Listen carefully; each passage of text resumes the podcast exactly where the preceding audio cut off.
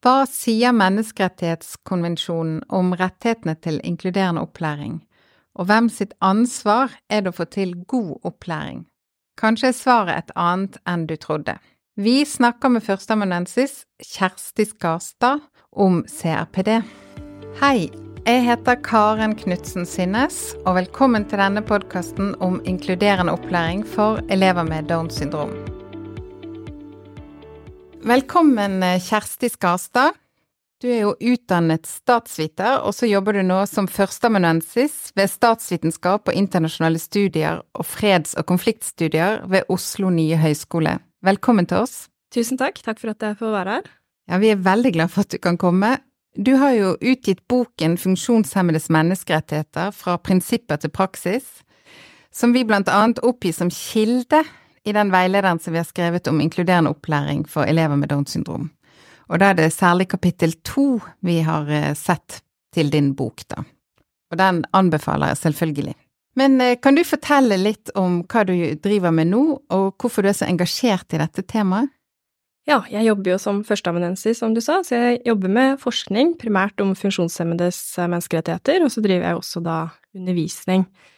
Og menneskerettigheter har jo, eller egentlig ja, rettferdighet, likestilling, har på en måte vært noe jeg har vært interessert i så lenge jeg kan huske, hele livet, tror jeg.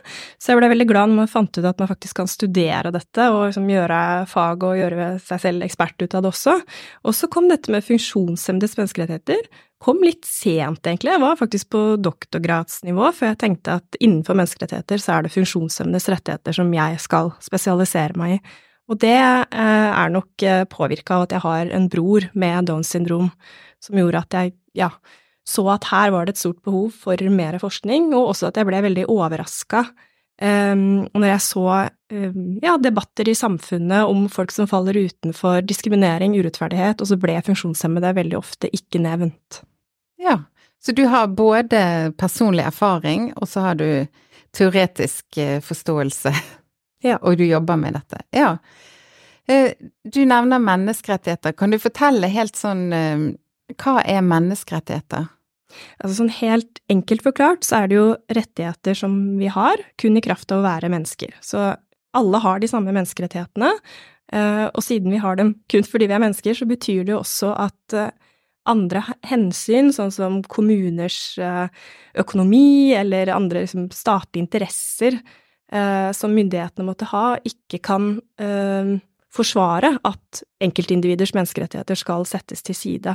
Så det er et vern eh, for individet, og særlig for minoriteter, kan man si, om eh, ja, at man har noen grunnleggende rettigheter som ikke skal overkjøres uansett. Veldig enkelt forklart, da. Ja, men det er fint, det passer bra, det. Eh, takk. Og så eh, snakker vi om CRPD, eller Konvensjonen for funksjonshemmedes rettigheter.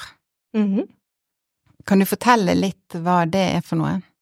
Ja, altså um, man har jo flere menneskerettighetskonvensjoner. Det starter jo med verdenserklæringen om menneskerettigheter, hvor det for så vidt eh, ligger på en måte i grunndefinisjonen og i de første FN-konvensjonene at disse rettighetene gjelder likt for alle. Men så vet vi jo at i praksis så har det jo ikke vært sånn. Altså enkelte grupper er mer utsatt for menneskerettighetsbrudd enn andre, og derfor så har vi jo nettopp da en egen konvensjon for funksjonshemmedes rettigheter, slik som vi også har en barnekonvensjon og en konvensjon for kvinners rettigheter. Ja. Eh, også i den CRPD så har jeg lest at det står at eh, funksjonshemmedes organisasjoner er gitt en sentral rolle i oppgaven med å iverksette denne konvensjonen.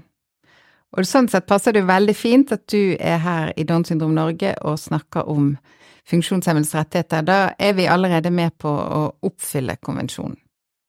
Så det er vi veldig glad for. Og så sier du at vi vet at um, mennesker med funksjonshemminger er mer utsatt for diskriminering og utestengelse, og at de i mindre grad deltar i samfunnet på lik linje med andre.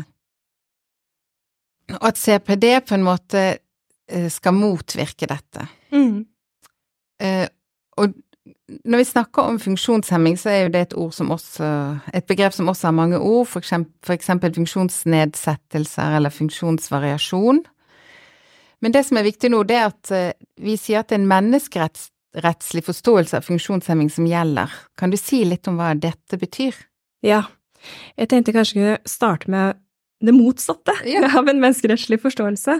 Fordi eh, historisk i hvert fall, og, og dessverre til en stor grad eh, også i dag, så er det jo sånn at eh, personer med funksjonshemming har, eller veldig mye av den urettferdige forskjellsbehandlinga som har fått pågått, den har, fått, eller den har skjedd nettopp fordi at personen har en funksjonshemming. Vi har, eller storsamfunnet har i hvert fall, har på en måte akseptert at noen personer skal være segregert, at de skal være utsatt for mer tvang, eh, at de ikke får lik rett til utdanning, eksempel. Vi har på en måte sett oss vi har på en måte akseptert dette fordi de har en funksjonshemming, så har dette på en måte blitt rettferdiggjort. Og en menneskerettslig forståelse av funksjonshemming, eh, det som ligger, hovedelementet som ligger i det, da, er jo at uh, dette aldri kan rettferdiggjøres. Altså vi kan ikke rettferdig urettferdig forskjellsbehandling, den diskrimineringa som skjer fordi noen har en diagnose eller fordi noen har en funksjonshemming. Vi skal sikre like rettigheter i praksis, uavhengig av hvilken diagnose man måtte ha. Og så ligger det også i den menneskerettslige forståelsen at selve funksjonshemminga, eller den ulempen da, som funksjonshemmede opplever, skyldes samfunnets barrierer.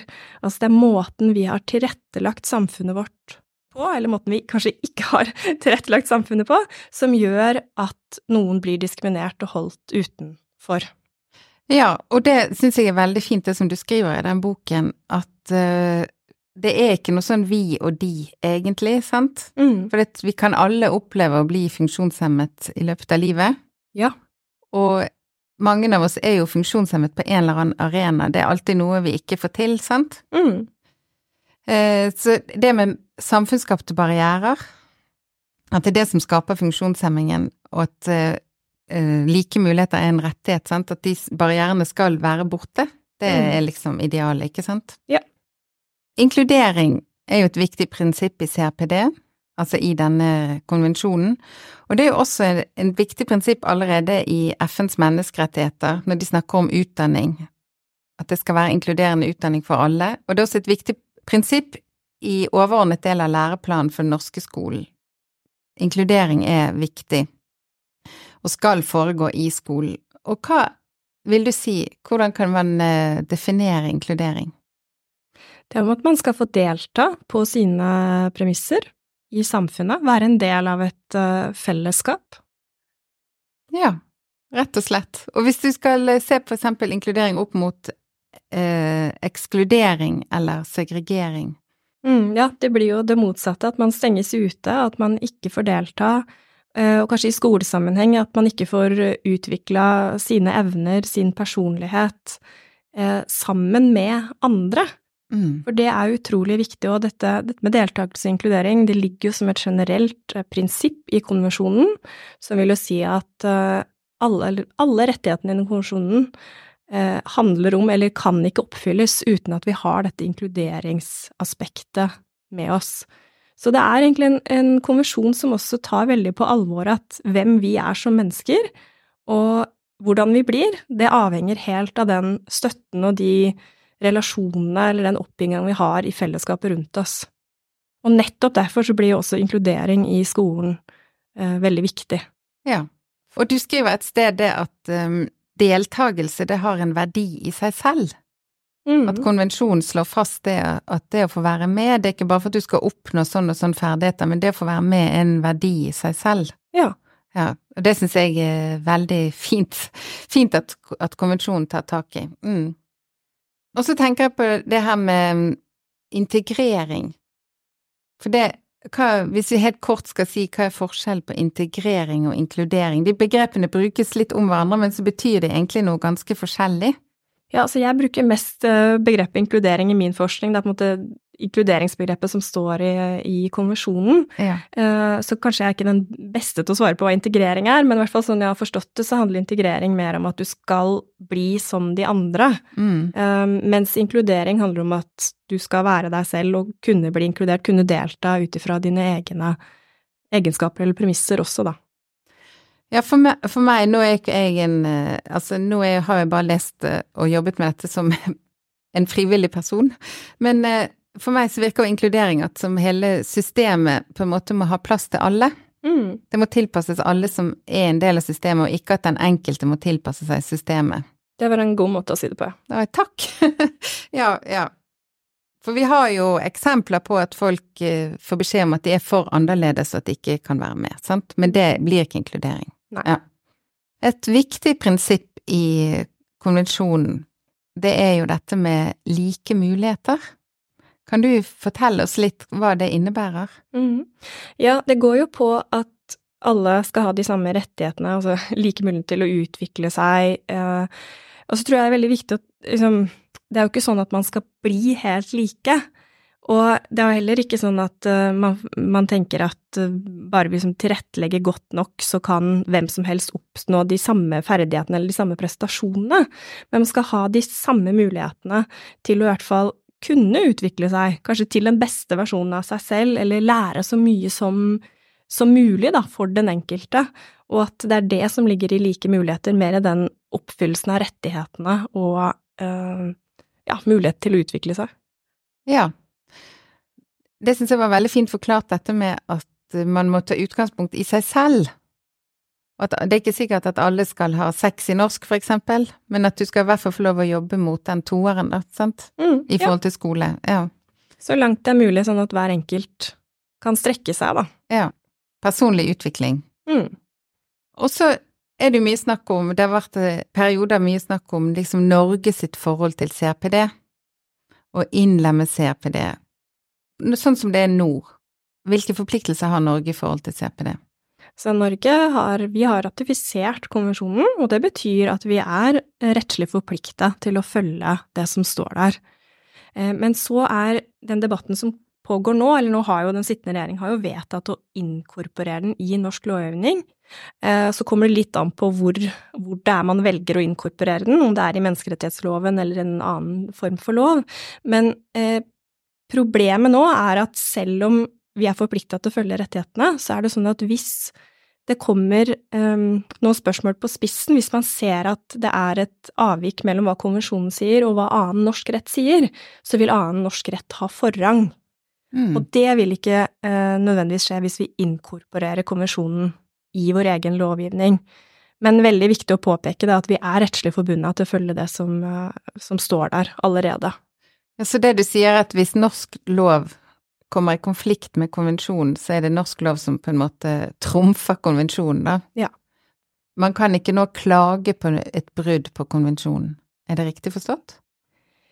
Ja, du kan vel altså, Tenker du da på internt i norsk rett? Så Ja. du kan i hvert fall Du kan prøve Jo, jeg tenker at du kan det, men da må du liksom Da må du argumentere for hvordan den eh, konvensjonen Hvordan vi finner igjen de forpliktelsene også i norsk lovgivning. Oh, Fordi når man har ratifisert den konvensjonen, så har man jo tenkt at det er samsvar, stort sett i hvert fall, mellom den lovgivninga vi har fra før og konvensjonen.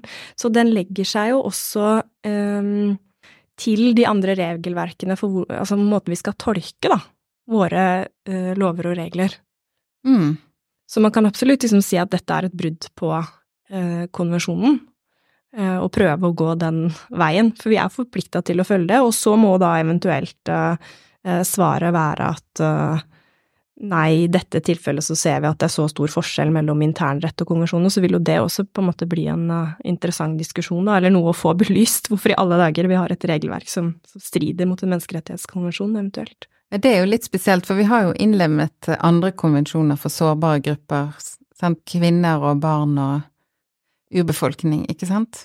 Ja, eh, kvinnekonvensjonen, barnekonvensjonen, står eh, som en del i menneskerettighetsloven, så de har helt klart forrang, Mm. også sammen med en del andre, eh, ja, økonomiske, sosiale rettigheter og sivile og politiske rettigheter. Ja. Så vi venter nå på at den skal bli innlemmet i norsk lov, da. Ja, så blir det jo spennende å se, da, hvor, eh, hvor den blir innlemmet. Det er jo et ekspertutvalg nå som skal se på som skal komme med en anbefaling til hvordan man bør gjøre da, selve den inkorporeringen. Og kommer den inn i menneskerettighetsloven, så får den forrang overfor eh, andre lover. Ja, tror du at det vil styrke funksjonshemmedes rettigheter i Norge? Ja, det tror jeg også eh, tror jeg også det har en veldig viktig som symbolfunksjon. Altså at det er noe med anerkjennelsen av at funksjonshemmedes rettigheter er like viktige som andres menneskerettigheter, og at det i seg selv da har en, uh, har en betydning. Mm. Ja. Tror du at uh, det Altså, hvordan skal CRPD gjenspeiles i skolesystemet vårt, i klasserommene våre? Ja, artikkel 24 i CRPD er jo veldig konkret, egentlig, på hva man bør gjøre. Altså, vi har jo forplikta til å sørge for uh, inkludering, for livslang læring. Uh, det står uh, veldig konkret der at man ikke skal stenges ute fra det allmenne skolesystemet, eksempel. Man skal få tilrettelegging slik at det er mulig å delta og lære og utvikle seg. Um, sånn at, og dette med um, rett til å gå på lokalskole, det, det, har vi jo også i annet norsk regelverk, mm. men det følges jo ikke alltid. Og konvensjonen blir jo da viktig kanskje egentlig å forsterke det som allerede ligger i, i lovgivninga. Og så tenker jeg dette med ja, tilrettelegging er jo viktig, altså at man hvis man har behov for uh, ulike typer eller andre typer kommunikasjonsformer, um, synstolkning ja, forskjellige Så skal man liksom sørge for en såkalt sånn rimelig tilrettelegging for at hver enkelt elev får den samme kvaliteten på utdanninga si, og også kan ta eh, del i eh, de overordna eh, målene for norsk skole.